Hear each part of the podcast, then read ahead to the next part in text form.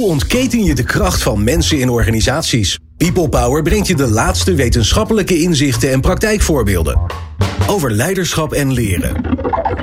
Betrokkenheid en bevlogenheid. Inzetbaarheid en inclusie.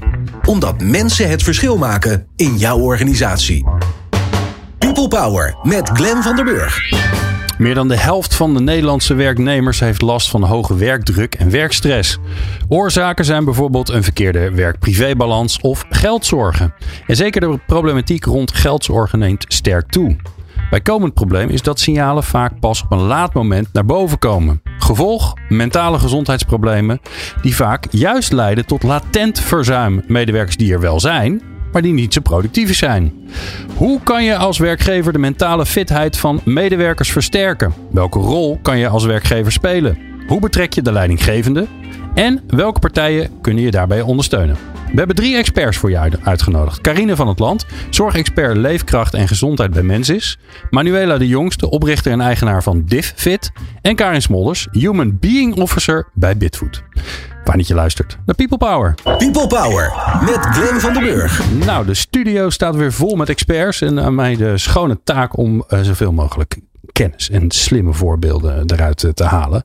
Uh, mentale fitheid, daar gaan we het over hebben. Uh, je is altijd eerst handig om te weten wat het is, Carine. Ja, mentale fitheid. Uh, Glenn, ik denk dat we allemaal wel een idee hebben wat dat is. Maar dat het heel moeilijk is om het, om het heel scherp te omschrijven. Dus mentale fitheid, we noemen, bij mensen noemen we het leefkracht ook. Dat je, uh, ja, dat, je, dat je je gezond voelt, dat je je eigen keuzes kunt maken, je koers kunt bepalen. En dat je op die manier gewoon voor, prettig in het leven staat. Dat je leefkracht voelt. Ja. En natuurlijk, als je naar de psychologie gaat, dan zijn er allerlei uh, ja, zaken die je kunt meten. Van hoe veerkrachtig zijn mensen, hoe snel, uh, hoe snel hebben ze last van stress, hoe snel komen ze weer uit de stress. Hoe gaat het met hun slaap, hoe presteren ze cognitief, kunnen ze alles eruit halen wat erin zit. Dus er zijn allerlei zaken die je kunt meten, maar uiteindelijk gaat het er toch om dat je ja, lekker in je vel zit, dat je leefkracht voelt. Het, het beeld wat bij mij gelijk boven kwam was. Um, uh, kijk, het leven is natuurlijk uh, niet. Uh, het gaat nooit zoals je wil dat het gaat. Toch? Dat, dat gaat altijd anders. De treinen rijden niet, zoals bijvoorbeeld vandaag. Juist. Of er is een weg afgesloten, of je kind is ziek. Of nou, er gebeurt van alles en nog wat in je leven wat je niet voorspeld had.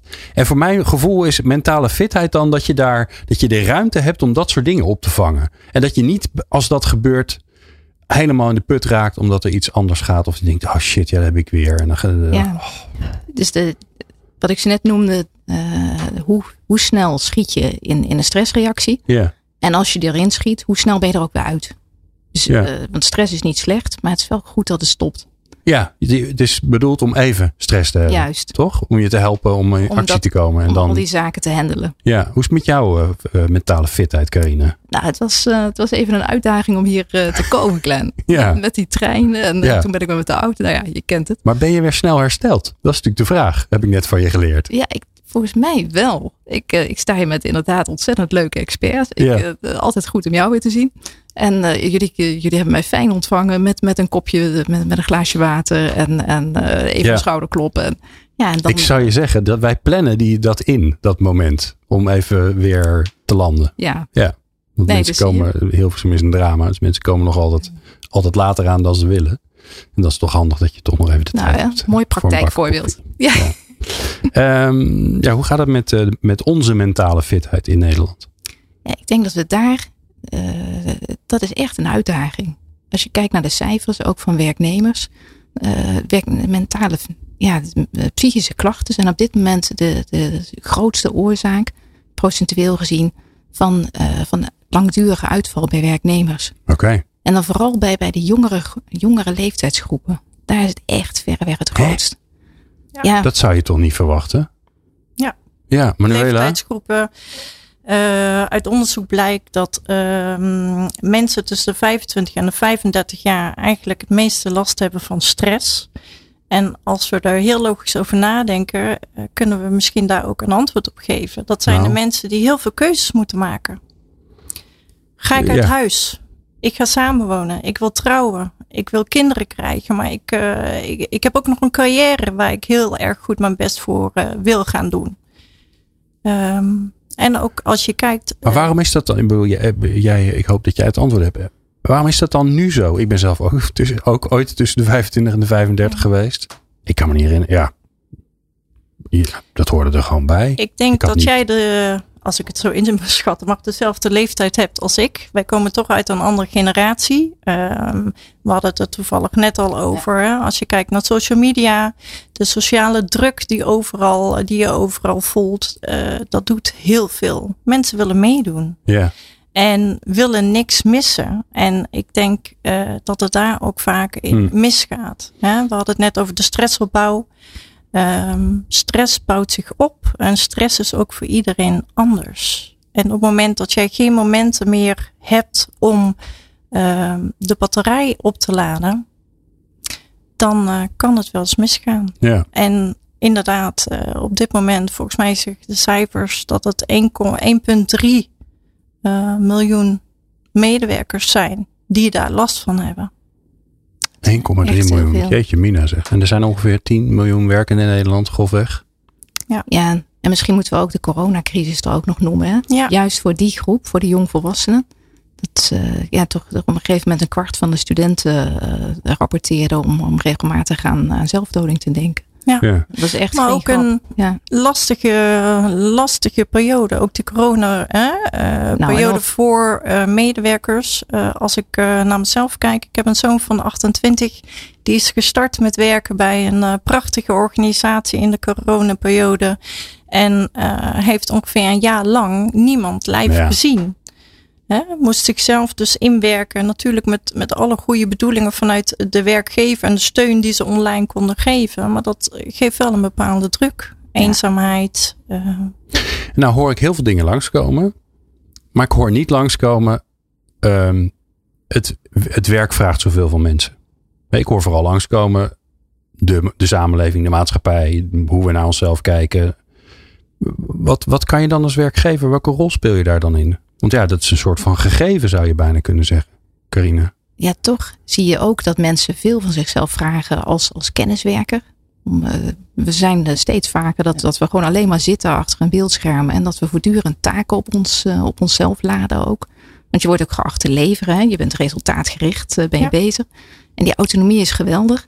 Maar je kunt er ook heel makkelijk op je onderin gaan. Hm. En misschien juist wel zeker voor die, die jongere groepen, zo tot 35, 40, als je echt ambitie hebt. Nou, dan uh, nog een project erbij, nog een project erbij. En uh, daar kun je als werkgever, uh, je kunt het monitoren, je kunt het, je kunt het afremmen, verstandig houden. Maar het is verstandig ook om als werkgever te denken van ja, uh, we weten hoeveel, hoeveel langdurig verzuim er is. En uh, dat, dat je ja, probeert die, die vinger aan de pols te houden. Dat je het laagdrempelig bespreekbaar maakt. Hoe gaat het eigenlijk met je? Hoe zit je erbij? Hoe, hoe, uh, hoe, hoe doe je het?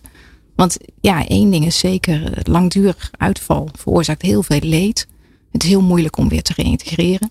Ja. En het is ook ontzettend duur voor werkgevers. Ja. Ja. Dus en met de krappe arbeidsmarkt van nu kunnen we het ons eigenlijk ook haast niet veroorloven. Nee. Het is echt alle hens aan dek nu om iedereen aan boord te houden. Karin, jij bent uh, ja, werkgever, mag je dat zeggen? Ja, ja je bent, uh, je bent de, de, human being officer. Dus in, in de ouderwetse taal eh, noemen we dat HR of PNO. Of nou maakt niet zo maar dan weet Klopt. iedereen wat je doet. Ja. Herken je dit? Is dit bij jullie ook uh, een, een vraagstuk? Ja, zeker. Ja, wij hebben, kijk, wij zijn een horeca groothandel. Dus in die zin uh, hebben we zowel logistiek en transport. En dat is meer praktisch geschoold.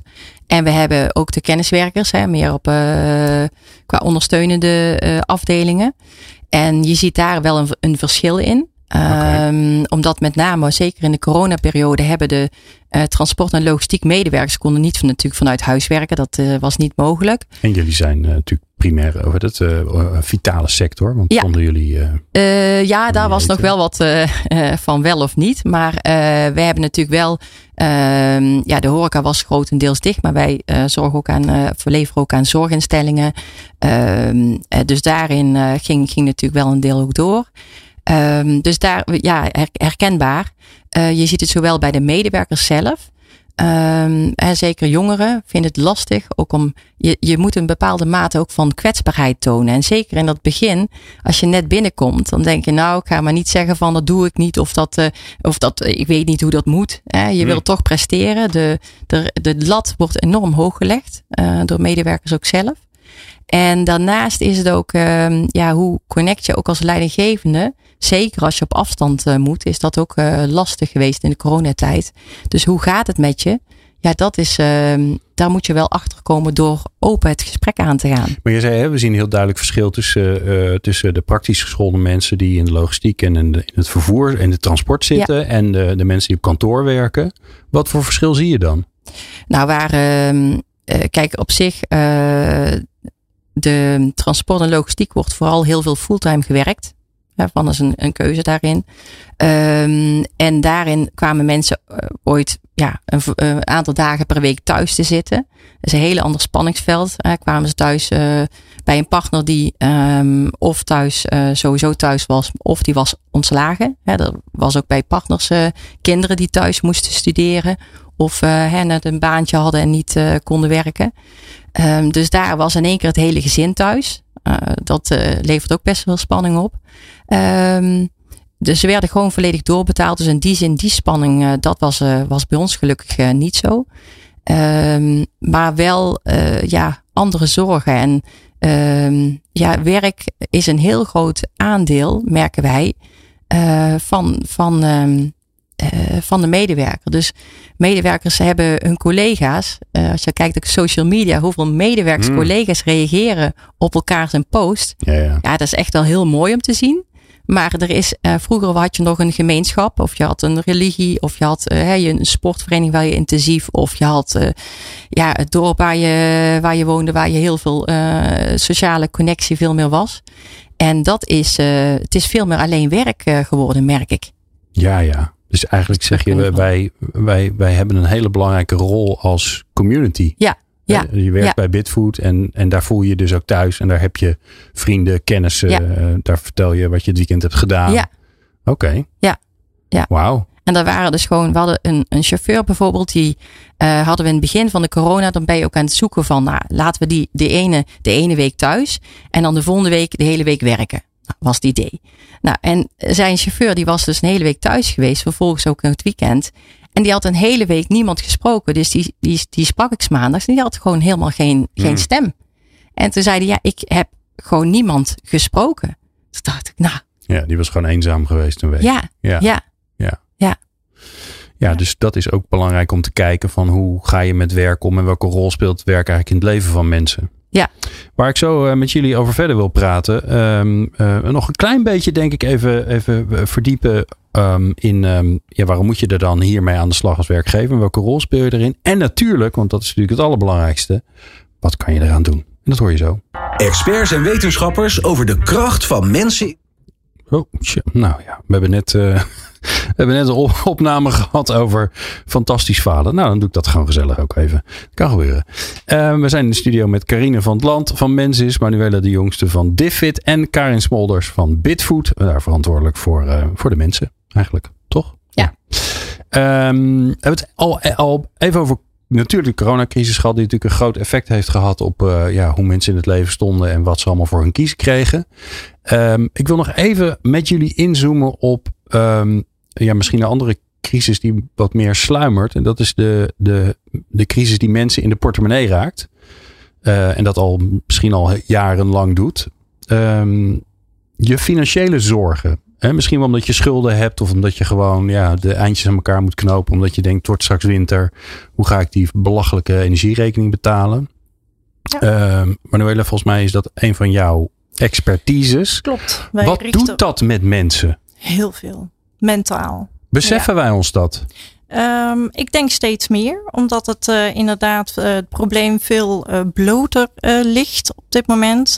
Um, als je kijkt, er is gewoon echt iets aan de hand. En het zijn niet meer de mensen die alleen maar schulden hebben of een lager inkomen hebben. Het zijn ook de middeninkomens die op dit moment keihard geraakt worden.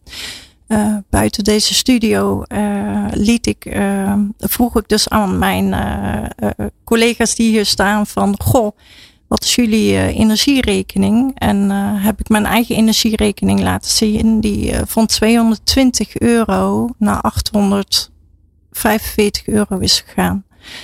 En ehm, ik vraag me dan oprecht af, hoe moeten bepaalde medewerkers dit mhm. betalen? Ik woon in een best nieuw huis.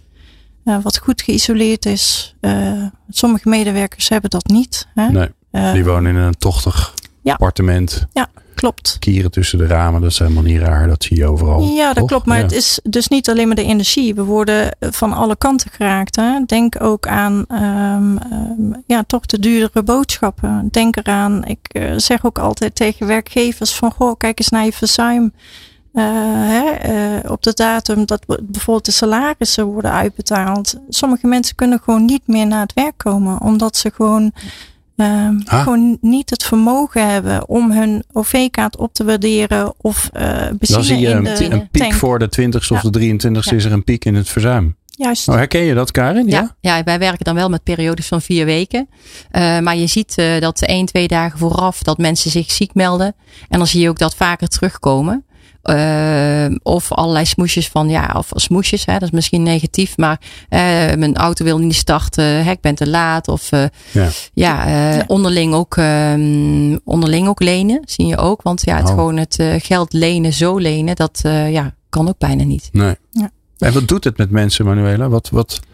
Nou ja, uh, Los van het feit dat het vreselijk wijst is. uit dat iemand uh, die stress heeft, hè, of dat nou financiële stress of andere stress is, dat doet eigenlijk niet zo uh, toe, maar een EQ-verlies heeft van 13 punten. En ehm, dat kun je vergelijken met als jij de hele nacht niet geslapen hebt, echt niet, mm. en je moet de volgende ochtend hier in jouw studio ja. echt ram presteren, dan gaat jou dat waarschijnlijk niet lukken. Nee. En dat, dat gebeurt ook met die medewerkers die deze stress voelen. Ja, en die er dus altijd is. dus de, dat zat natuurlijk al een beetje in de intro van ja, als mensen er zijn, dan lijkt het alsof er geen verzuim is. Maar dat is er dan stiekem wel, want ze zouden eigenlijk veel beter kunnen presteren. Ja. Ja. ja. Nou ja, en, feit... hoe, hoe, groot is het? Ik, ik, ik gebruik jou even als het, uh, het ja. cijfer-orakel. Hoe groot is dit vraagstuk? Ik zou eerst graag ook nog wat willen aanvullen op wat Manuela uh, zei. Um, ja, er, er, komt steeds meer aandacht, Manuela, voor de mm. psychologie van de schaarste. Mm. En ik denk zelf dat dat iets is wat heel relevant is voor werkgevers ook. Dat, uh, dat IQ-verlies, dat is één ding. Als mensen in een schaarste modus komen. En uh, ja, of het nou een schaarste is aan tijd of schaarste aan, aan calorieën, omdat je aan diëten bent, of schaarste door geld. Mm. Dan heb je inderdaad het IQ-verlies, maar je verliest ook heel veel men mentale bandbreedte, wordt dat genoemd. Dus je impulscontrole gaat ook fors achteruit. Je werkgeheugen oh. wordt een stuk minder. Dus je presteert op al, al die cognitieve terreinen, weet je, waar we het aan het begin even over hadden, Glenn, presteer je een stuk minder. Ja. En dat is echt een heftig effect. Dat, ja. dat mensen, die, die IQ-trop van 13 punten, als je dat met, met een impulscontroleverlies ook nog eens combineert. En daarbij ook nog dat je eigenlijk alleen maar let op uh, datgene wat bij jou top of mind is. Dus jouw eigen schaarste. Ja, dat is voor, voor werkgevers is ja. een latent verzuim van, van heb ik jou daar. En dat is echt iets waar je mensen ja, ook bovenop, uh, het, bovenop het echte verzuim, wat het natuurlijk ja, ook nog is. Hè? Want alleen, alleen al de dagen voordat je betaald bent, nou ja, los van alle andere dingen die er nog bij nou, komen. Ja. ja. Dus daar, ja, dus nog gewoon afgezien van het, het maatschappelijke drama. Weet je wat, wat laatst in het nieuws was? Dat, dat komend jaar voorspeld dat 1 op de 10 kinderen in armoede gaat leven. Ja. Dat is toch ook een heel heftig cijfer. Ja. Dus afgezien van, van de, ja, de, hoe, hoe zwaar mensen het gaan hebben. Echt een groot deel van, van, onze, van, van de mede-Nederlanders. Ja, ook als werkgever is het iets om, om heel alert op te zijn. Ja, en er komt ja. ook heel veel op ons af. Dat, dat is zo. Hè? We, we hebben een nieuwe groep die te maken heeft nu met uh, geldzorgen. Uh, denk, kom ik toch even terug op die energierekening. Uh, sommige mensen hebben daar een mooi bedrag van de overheid voor gekregen, 1300 uh, euro. Die is op de rekening van de mensen zelf gestort. Um, en het kan dus ook zijn dat dat niet wordt overgemaakt aan de energieleverancier, omdat die schaarste er is, omdat ze het nodig hebben voor een auto die kapot is gegaan om Ja. naar het werk te gaan. Ja. Er kunnen duizenden en ene redenen zijn. Maar deze mensen uh, krijg je straks met de jaarafrekening. Um, hebben zij echt te maken met een heel grote uitdaging. Ja. En dat levert stress op. En um, sowieso op het moment dat je niet meer de autonomie hebt om te beslissen waar jij, hoe jij je leven in wil gaan delen. Want ons leven hangt nu eenmaal heel erg samen met geld. Kan je na een verjaardag, kan je een Hmm. uh, cadeautje kopen voor je kind wat jarig is. Um, hè, kun je een keer een, een, een koffie gaan drinken met een collega? Kun je op vakantie? Um, Ja. Ja, want het is Het natuurlijk een een, het is de stress. Maar ik hoor je ook zeggen, de, je kunt heel veel sociale dingen, die kun je gewoon je niet meer veroorloven. Dus het leidt ook tot isolement. En kortom, er moet wat gebeuren. Dan moet De grote ja. vraag is natuurlijk dan, welke rol kan de werkgever daar dan in spelen? Dus dan ga ik eerst maar eens even bij de werkgever navragen. Karin. Nou, eh, één, wat we net hebben gezegd, dat herken ik volledig. Eh, je ziet ook mensen hele rare keuzes maken of helemaal geen keuze meer maken. Ehm, ik had een heel, even een heel kort voorbeeldje. Medewerker ehm, had een elektrische fiets, ging stuk. En die moest nog één kilometer naar het werk. Eh, kon of verder lopen of was stond bij een benzinestation, dus ze kon ook daar stoppen. En de fiets dan neerzetten op slot. En vervolgens leidinggevende bellen van ik ben wat laat of kan, ik, eh, kan iemand mij komen halen. Eh, en zou vijf kilometer terug eh, moeten gaan. En wat heeft die medewerker gedaan? De medewerker had heel veel financiële zorgen. En ehm, had een fiets via ons geregeld. Dus die Ja. elektrische fiets was via ons. Ehm, maar die heeft dus... ehm, eh, die heeft dus de keuze gemaakt om dat hele stuk met de fiets terug te lopen. Naar huis. En dan toen dacht ik, Ja. hoe kom je, wie bedenkt dit? Ja. Hè? Ja, de alle En ratio's verdwenen. alles, ja. Ja, veilig Ja, thuis, ja. veilig wegwezen. Ja, en dan vind ik dat nog, nog het minst erger. Maar we hebben natuurlijk onze chauffeurs, onze reachers, die eh, de stellingen, producten uit stellingen pakken. En als je daar even met je hoofd er niet bij bent. Kijk, ik kan een eh, ja, nulletje te veel of te weinig, of Ja, ik kan iets, dat hè. kan soms kan een foutje in de brief, zijn, eh, ja. maar dat kan ik over het algemeen nog eh, corrigeren. Maar een, een, ehm, iemand die in het ziekenhuis werkt, of op de weg is, of op hè, eh, Of een heftruck zit of een heftruck Ja. zit, ja, dan ehm, kunnen de, de gevolgen enorm zijn. Ja. En daar maak ik mij echt dan wel echt zorgen om. Dat ik denk Ja. van, daar moeten wij heel alert op zijn. Ja. Ja, Nou, ja. het- het- nou klinkt dit gewoon, gewoon, het is een maatschappelijk probleem. Ja. Ja. Waarom moet de werkgever ermee aan de slag? Ehm, nou ja, weet je, eh, een werkgever, wij eh, willen goed werkgever zijn. Ehm, eh, en je wil in die zin, vind ik het belangrijk dat mensen goed in hun vel zitten. Als ze goed in hun vel zitten, hè, dan zijn ze met veel plezier op het werk. Dan presteren ze ook naar behoren. Ze het langste bij je. Ja. Minste kans op uitval. Ehm, ja, en, en in de basis, maar dat is misschien vanuit mijn HR-achtige achtergrond, vind ik gewoon het heel belangrijk. Vind ik de mens centraal. De mens is heel erg belangrijk. Eh, ja, bij ons is er ook nog een keer in ons werk. eh, bij Bitfood is heel veel ehm, handmatig. Dus weinig robotisering. Dus er is, we zijn ook heel erg van mensen afhankelijk. Ja. En ehm, dat maakt dat je uiteindelijk heb jij gewoon eh, de algemeenheid van je medemens. Hè? Eh, of het nou op het werk is of thuis. Ja, de buurvrouw, buurman. Hoor je de meest rare verhalen dat mensen soms weken nu dood liggen. Ja, dan denk ik. Bizar. Ja. bizar. Ja. Dus je wil als werkgever wil je gewoon algemeenheid, goed werkgever zijn. Eh, de personeelskrapte, sowieso. Hè, daarin eh, zorg goed voor je mensen. Zorg is ook goed voor jou. Ehm, ja, en dan heb je de meest eh, leuke manier hoe je je dag ook kan doorbrengen. Ja. Uiteindelijk wordt het dan gewoon ook een beetje gelukkig van. Ja. Eh, Carine, ehm, je betreedt ook als werkgever het privédomein. En sterker nog, misschien wel een van de meest privée dingen, namelijk de, in, het, geval van, als we het over de financiën hebben, gaat het over de privéfinanciën van iemand. Dat lijkt me een heel spannend gebied om als werkgever ehm, je te gaan eh, bemoeien, helpen, vanuit alle goede wil. Ja, nee, dat is het zeker. En eh, ja, ook als, als vanuit de zorgverzekeraar hè, is het ook echt een, een, eh, ja, een belangrijk aandachtspunt. En ook een soort evenwicht dat je zoekt. Ja. Want eh, voor, vanuit mensen willen we partner zijn in gezondheid. We willen de leefkracht bevorderen van, van onze verzekerden. Dus we willen echt zorgen dat ze zo, zo krachtig mogelijk in het leven staan. En daar hoort aandacht voor hun finan- financiën hoort daar ook bij. Dus wat wij doen is, is proberen alles zo, zo makkelijk en eenvoudig mogelijk te maken. Als mensen betalingsachterstanden hebben, dan hebben we een periode van zes maanden volgens de wet om te proberen dat met hen samen op te lossen. En daarna moeten ze naar een ander kantoor, naar een andere regeling, waar alles veel duurder wordt. Dus die zes maanden, dat, daar doen we ook echt ons best voor. Om het heel eenvoudig te maken. Hele simpele brieven. Niet dat je mensen bedreigt, maar dat je zegt, nou, dit is helemaal geen probleem. Kom, schouders eronder. We hebben makkelijke betalingsregelingen. En dat je probeert, ja, ze echt door die zes maanden de, de- voor, voor die poort weg te slepen. Dat ze voortdurend veel te veel moeten gaan betalen voor een zorgverzekering. Ja. Vanwege de wet. Dus dat is iets wat, wat je als, als uh, zorgverzekeraar doet. We zijn ook partner in uh, de Alliantie tegen Kinderarmoede als enige zorgverzekeraar. Vinden we ook belangrijk. Weet je, het is echt een thema wat ons aan het hart gaat. En natuurlijk, ja, vanuit de, de werkgeverscontext. Wat we daar doen is, uh, we hebben collectiviteiten. Dus daar willen we graag meerwaarde bieden aan werkgevers.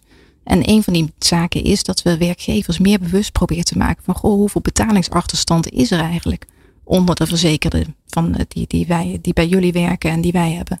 Dat blijft anoniem. Hmm. Maar het is wel zo dat, je, dat, dat, ja, ja, dat werkgevers dan toch wel vaak schrikken van zo staat er zoveel geld uit bij, bij mensen.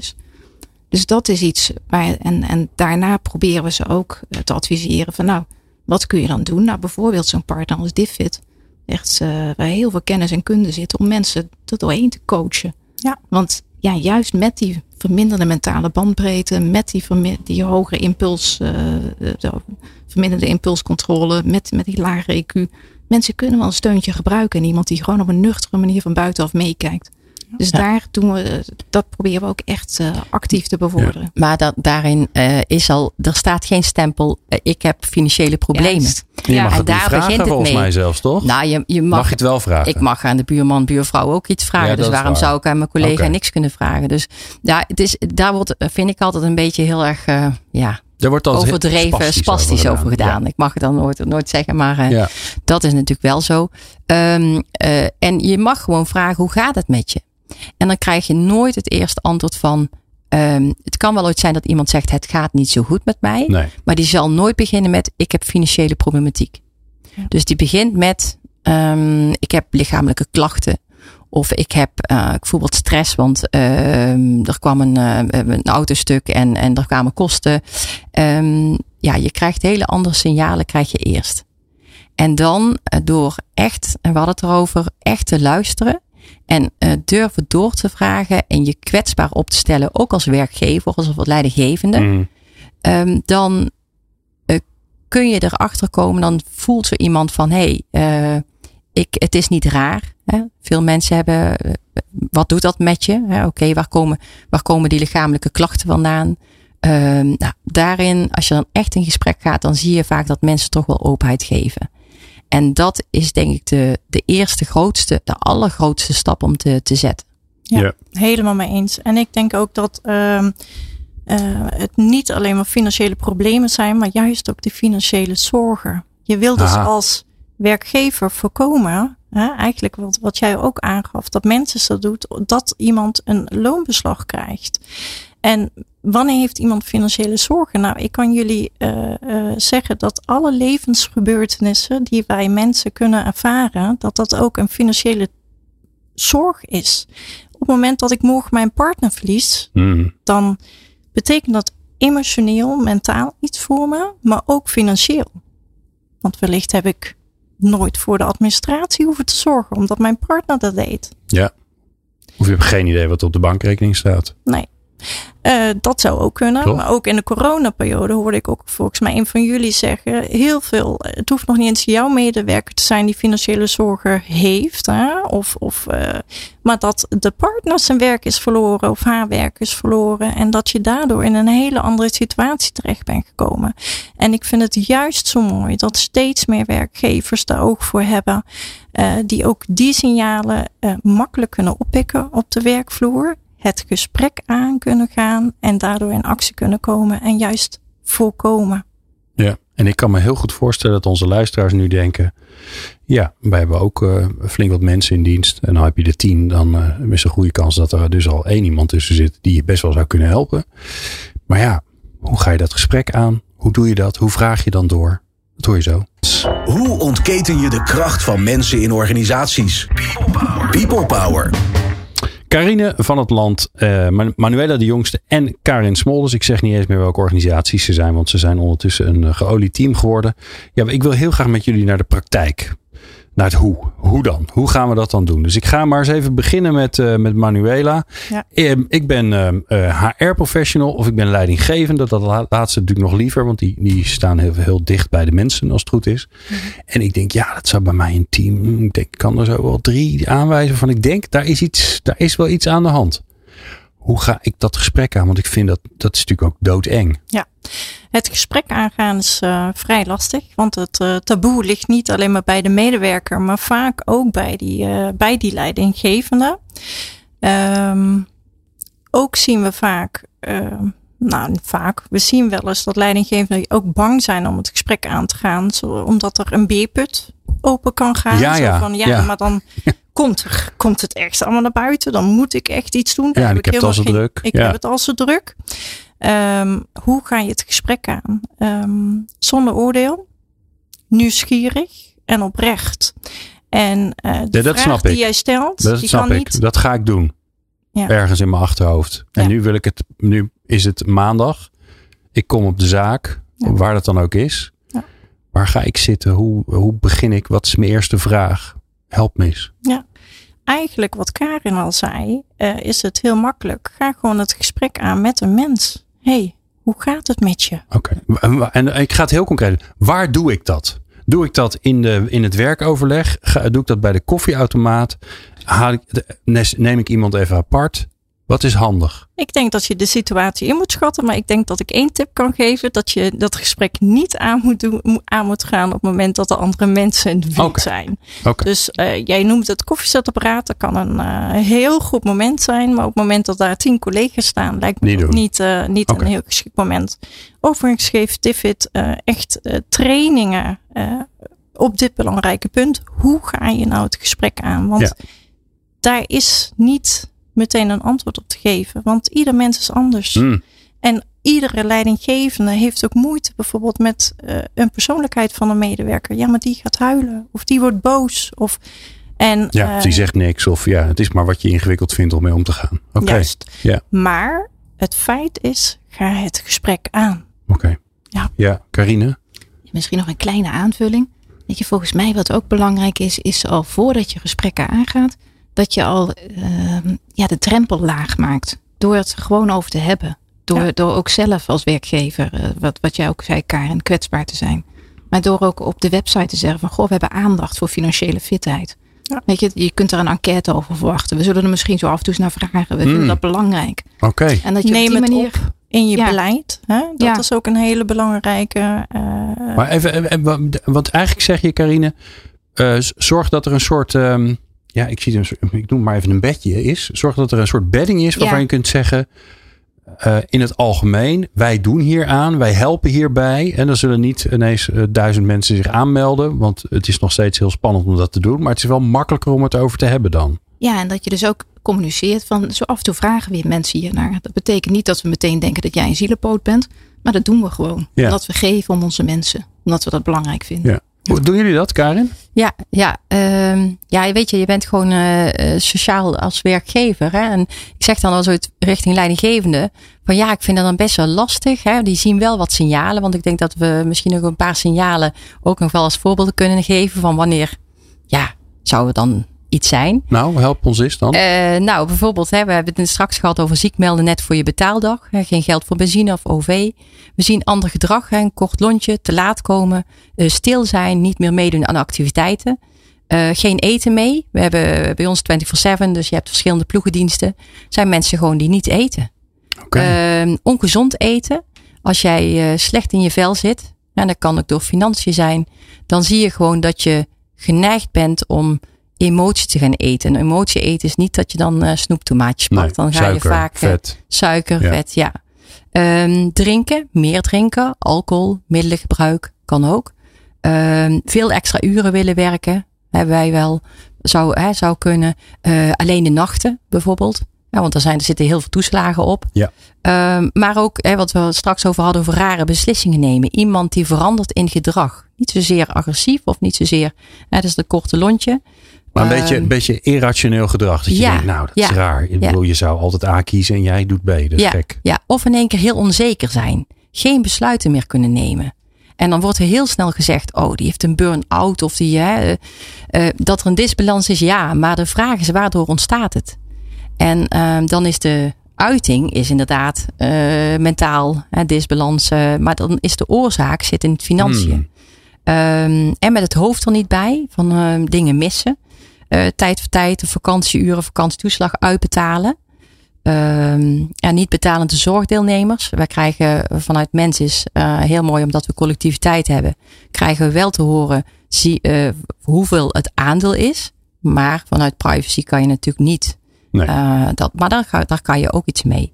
En, Totdat je eh, een loonbeslag krijgt, maar daar mag je dan waarschijnlijk niks meer mee, toch? Ja, dat- zeker. Ja, zeker. Oh, dan wel. Ja, ja, ja. Bij Oh, loonbeslagen een- dan vervalt daar eh, toch een of andere privacy eh, Oh, in. En dan mag je als werkgever zeker wel iets. Dan mag je wel op basis daarvan het gesprek. Er zit niet een soort Chinese muur tussen de salarisadministratie en de en Nou, de dat kan, maar dat, dat moet je dus eruit halen. En zelfs eerder, want je krijgt al heel vaak informatieverzoeken.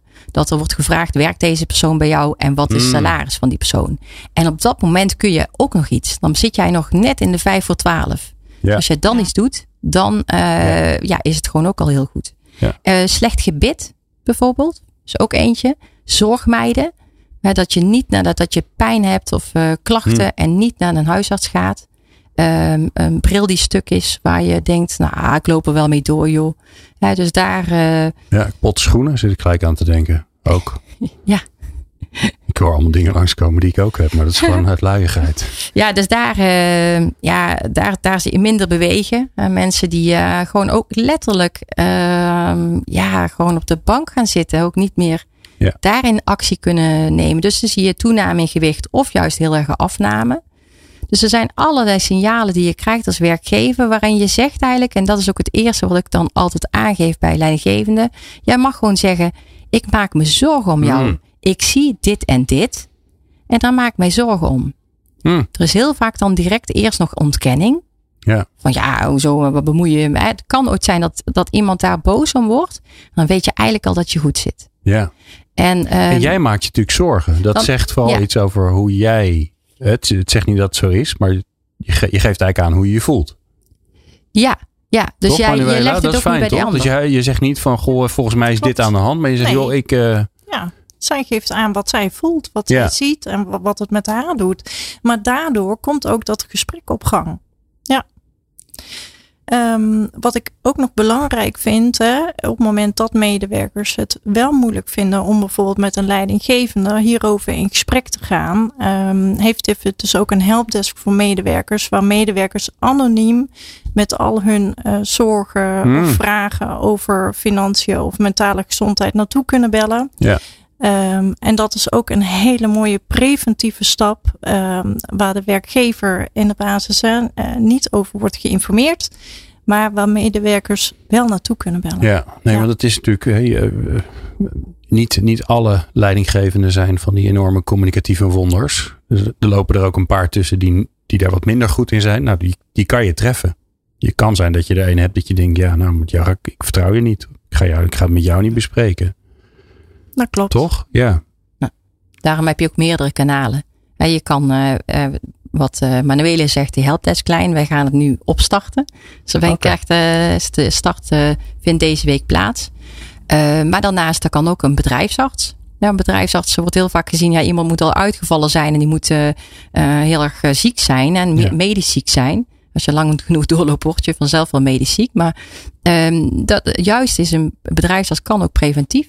Ja. Ehm, het kan zijn iemand van, van PNO, HR. Eh, het kan En hoe zijn zorg je dat die kanalen, want die zijn er allemaal, hè, maar het is een beetje het John de Mol verhaal. Ehm, eh, alles is er wel, maar je moet wel weten dat het er is. En mensen moeten ook het, eh, het gevoel hebben dat ze daar naarheen, naartoe kunnen. Ja. Ehm, dus hoe zorg je daar dan voor? Dat, dat die drempel heel laag is. Kun je? En Misschien mag ik één, het is een ander type kanaal hoor, maar dat is een kanaal wat echt geregeld is, waarbij een medewerker helemaal niets hoeft te doen. Eh, dat is namelijk via de wet gemeentelijke schuldhulpverlening. Sinds, ehm, ik meen twee jaar, is het zo geregeld dat als mensen bij hun energiebedrijf, hun waterbedrijf, hun eh, huisverhuurder of hun, zorgverzekeraar, dus mens is, ehm, een betaalachterstand hebben, dat je dan voor die periode bij de zorgverzekeraar van, van zes maanden, dat je, dat je echt meer gaat betalen, dat, dat er dan een signaal uitgaat naar de gemeente. Aha. En dat nemen we ook heel serieus als, eh, als mensen. En de gemeente is dan vanuit die wet verplicht om contact op te nemen. Dus van, goh, we hebben een signaal binnengekregen. Ja. Vaak als mensen hun zorgverzekering niet meer betalen. Ja, zorg krijg je toch. Weet je, dan denk je van, ach, nou ja, we we gaan nu even die auto repareren. Dan kan ik naar mijn werk blijven gaan. Maar ja, uiteindelijk kom je dus in die veel duurdere regeling. En moet je van alles af gaan betalen. En krijg je ook, ja, weet je, vanuit mens is. En, en uh, krijg je geen rentekosten en geen deurwaardes en geen registratiekosten. Maar zodra je bij ons weg bent, nou dan, dan berg je maar. Hmm. Weet je, dus je gaat echt, uh, zo gaat het met financiën helaas. Dan gaat het hard. Ja, dus daarom is, is dat een route die, die werkt altijd op dit moment. Dat is echt uh, vanuit ja. de, de, overheid heel bewust zo ingeregeld. Dat er signalen bij de gemeente belanden. Ja. Maar dat scheelt dus ook wel dat het nu is het een, uh, een aantal jaren geleden werd er niet zo helemaal niet over gesproken. Stond er niks in kranten. Toen was het probleem er ook al. Wel, ja, natuurlijk. Ja. maar dan, uh, dat, dan, dus nu is het uh, veel minder een taboe in de zin van dat ja. erover te hebben. Maar voor een werkgever geldt, zorg voor een veilige omgeving.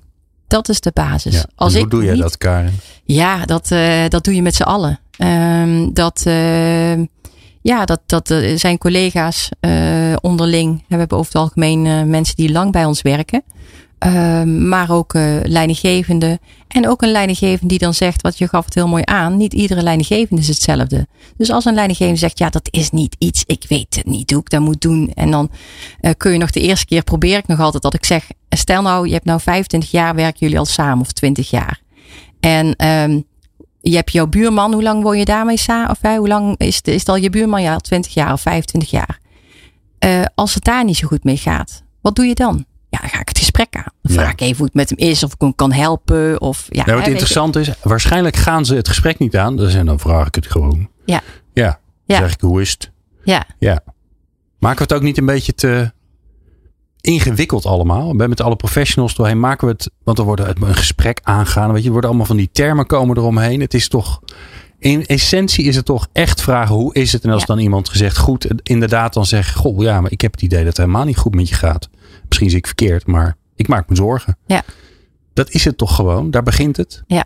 Maar het is heel makkelijk, hè? Ja, nou, ja. Ja. Ja, maar dan, dan wordt het wel persoonlijk. In plaats van de manager die het gesprek aangaat en, het, en dan een soort lijstje heeft. En Ja, ik ben niet zo van de lijstjes. De lijstjes die had ik al verwacht dat jij daar niet zoveel zou zeggen. Nee, inderdaad, het gesprek aangaan, die veiligheid bieden, laten weten hè, dat, dat die hulp er is. Dat is heel erg belangrijk. Eh Bitfood gaat starten met de helpdesk. Als je kijkt, we hebben daar hele mooie eh, materialen voor eh, aangeleverd, zodat medewerkers op de hoogte, ook op de hoogte zijn hè, van wat is nou die helpdesk, met welke vragen kan ik daar naartoe bellen. Ehm, en ik zeg ook altijd tegen werkgevers, dit is niet iets wat je drie maanden of een half jaar of een, eh, jaar moet inzetten. Eh, dit moet inbedden, Ja. noemden jullie dat. Ja, eh, dit is wat je vanaf het nu moet doet. in het DNA van de organisatie komen van hey, eh, wij besteden je aandacht aan. Voor ons is dat normaal om hier wel eh, het gesprek over aan te gaan. Als je ergens mee zit, dan kan je naar HR of naar die leidinggevende. En we gaan jou ook de helpende hand reiken op het moment dat het echt nodig is. Ja, en eigenlijk hoor ik jullie alle drie zeggen. Je kunt van alles nog wat organiseren. Maar het belangrijkste is dat, dat er vanuit de organisatie zelf. En dan is de leidinggevende natuurlijk logisch. Dat die gewoon echt aan je vraagt. Hoe is het met je? En als je denkt het gaat niet goed met die persoon. Dat je dat zegt. En dan maakt het eigenlijk niet zoveel uit of daar financiële vraagstukken achter zitten. Of dat iemand, weet ik veel, dat er glazer in de familie is. Of dat er ziektes zijn. Daar kom je pas achter als je zegt dat je denkt, nou, ik weet niet, volgens mij gaat het niet zo goed met diegene. Ja. Alright, we zijn bijna door de tijd. Ehm, even een turbo rondje. Ehm, morgen wordt iedereen weer wakker. Heeft naar deze prachtige aflevering geluisterd. Heeft het gevoel dat hij iets moet doen. Want hopelijk hebben we dat bereikt. Maar kan je beginnen, Carine? Ja, ik, Lekker ik kort. ben natuurlijk een zorgverzekeraars-nerd. Dus ik wil heel graag nog delen dat wat jij noemde, Karin, was dat mensen eh, zorg gaan mijden. Eh, we- er is een regeling dat, dat het eigen risico gespreid kan worden, eh, kan worden betaald. Dus dat in tien termijnen. Dus dat vind ik een hele belangrijke. Weet je, De- dat soort praktische kennis lijkt me ook handig. Ja, en de- ook als werkgever werk samen met die zorgverzekeraar. Zorg dat er mooie regelingen zijn. Maak gebruik van het aanbod wat er is bij experts. Want dit, dit, is, dit vraagt eigenlijk ook om expertise. Naast hele goede mensen zoals jij, eh, Karin. Oké. Dus dat zou mijn boodschap zijn. Van Karine naar Karin. Nou ja, eh, voor mij gaat het gesprek aan. Vraag oprecht hoe het met iemand gaat. En ook al geef, want net was even het voorbeeld van iemand zegt dan er is niks aan de hand. Ja, Die gaat gaat goed. daarna toch nadenken. En dan zeg je, zeg ik ook altijd van goh, ehm, dit en dit hebben we. Mocht je toch ooit van gedachten Hmm. veranderen, iets verandert. Hè, dan, dus jij, hè, dat er is niks. Nou, eh, goed te horen. Toch, mijn gevoel zegt iets anders, maar ik laat het rusten. Of je, hè, je, je gaat er niet open over zijn. Prima. Ehm, dus ga het gesprek aan. En de signaleringsrol ehm, is het allerbelangrijkste voor een leidinggevende. En dan mag hij het ook eh, loslaten, doorzetten. Ehm, kijk, het is maatwerk. Kijk gewoon per medewerker wat past bij iemand. Oké, dus die leidinggevende die mag ook tegen jou zeggen, joh, ik heb in mijn team, ik heb twee mensen, ik maak me daar zorgen over. Ja, ik, dan- ik, ik en denk dan dat er iets mee is, maar ik kom helpen. er niet achter wat. En kun jij daar eens een keer een gesprek mee aangaan? Dan zeg ik ook, wat is het doel van het gesprek? Waarom ga ik met jou in gesprek? Mooi. Ja, dus dat. En eh, dat er heel veel daarna is er heel veel mogelijk. Hè. Providerboog, Mensis, eh Diffit is een van de partners. De anonieme eh, helpdesk. Ehm, en gooi die computer aan de kant. Dus dat je gewoon één op één gesprek, kopje koffie, haal Ja. iemand meteen binnen. Ja. Stel het ook niet uit. Een dus beetje, niet een denken tot beetje maandag. beleid is goed, maar je kunt beter eerst dat gesprek voeren en dan Ja. pas bedenken wat je nodig hebt. Ja. Manuela, we eindigen bij jou. Ja, ik wil eh, ook de werkgevers oproepen van ehm, kom in actie. Hè? Doe iets eh, aan, dit, eh, aan deze ja, financiële fitheid, mentale fitheid van medewerkers. En verschuil je inderdaad niet achter van ja, dat zijn privéproblemen. Want eh, het werkt gewoon heel simpel. Een medewerker komt met zijn rugzakje op naar het werk. En dan zijn die zorgen, problemen zijn niet weg. Je voelt dat. Mhm. Hè? Het heeft impact op de werkvloer en eh, op zijn zijn. Net zo dat als je een medewerker iets meemaakt op het werk, gaat hij het ook thuis vertellen. En eh, komt het daar ook uit. Dus kom in actie. Kijk bijvoorbeeld op de site van, eh van Mensis wat de mogelijkheden zijn. Of op eh, wat de mogelijkheden zijn. Want we boeken met z'n allen enorm mooie resultaten. En samen zorgen we voor financieel en mentale eh, medewerkers, fitte medewerkers. Heel goed, je hoeft het dus niet alleen te doen. Ik dank jullie wel. Eh Carine van het Land van uh, Mensis, Manuela de Jongste van DivFit, dus twee F'en als je het intypt op eh, Google. En Karin Smolders van Bitfood. En jij natuurlijk ongelooflijk dank voor het luisteren. Meer afleveringen vind je op peoplepower.radio en jouw favoriete podcast app.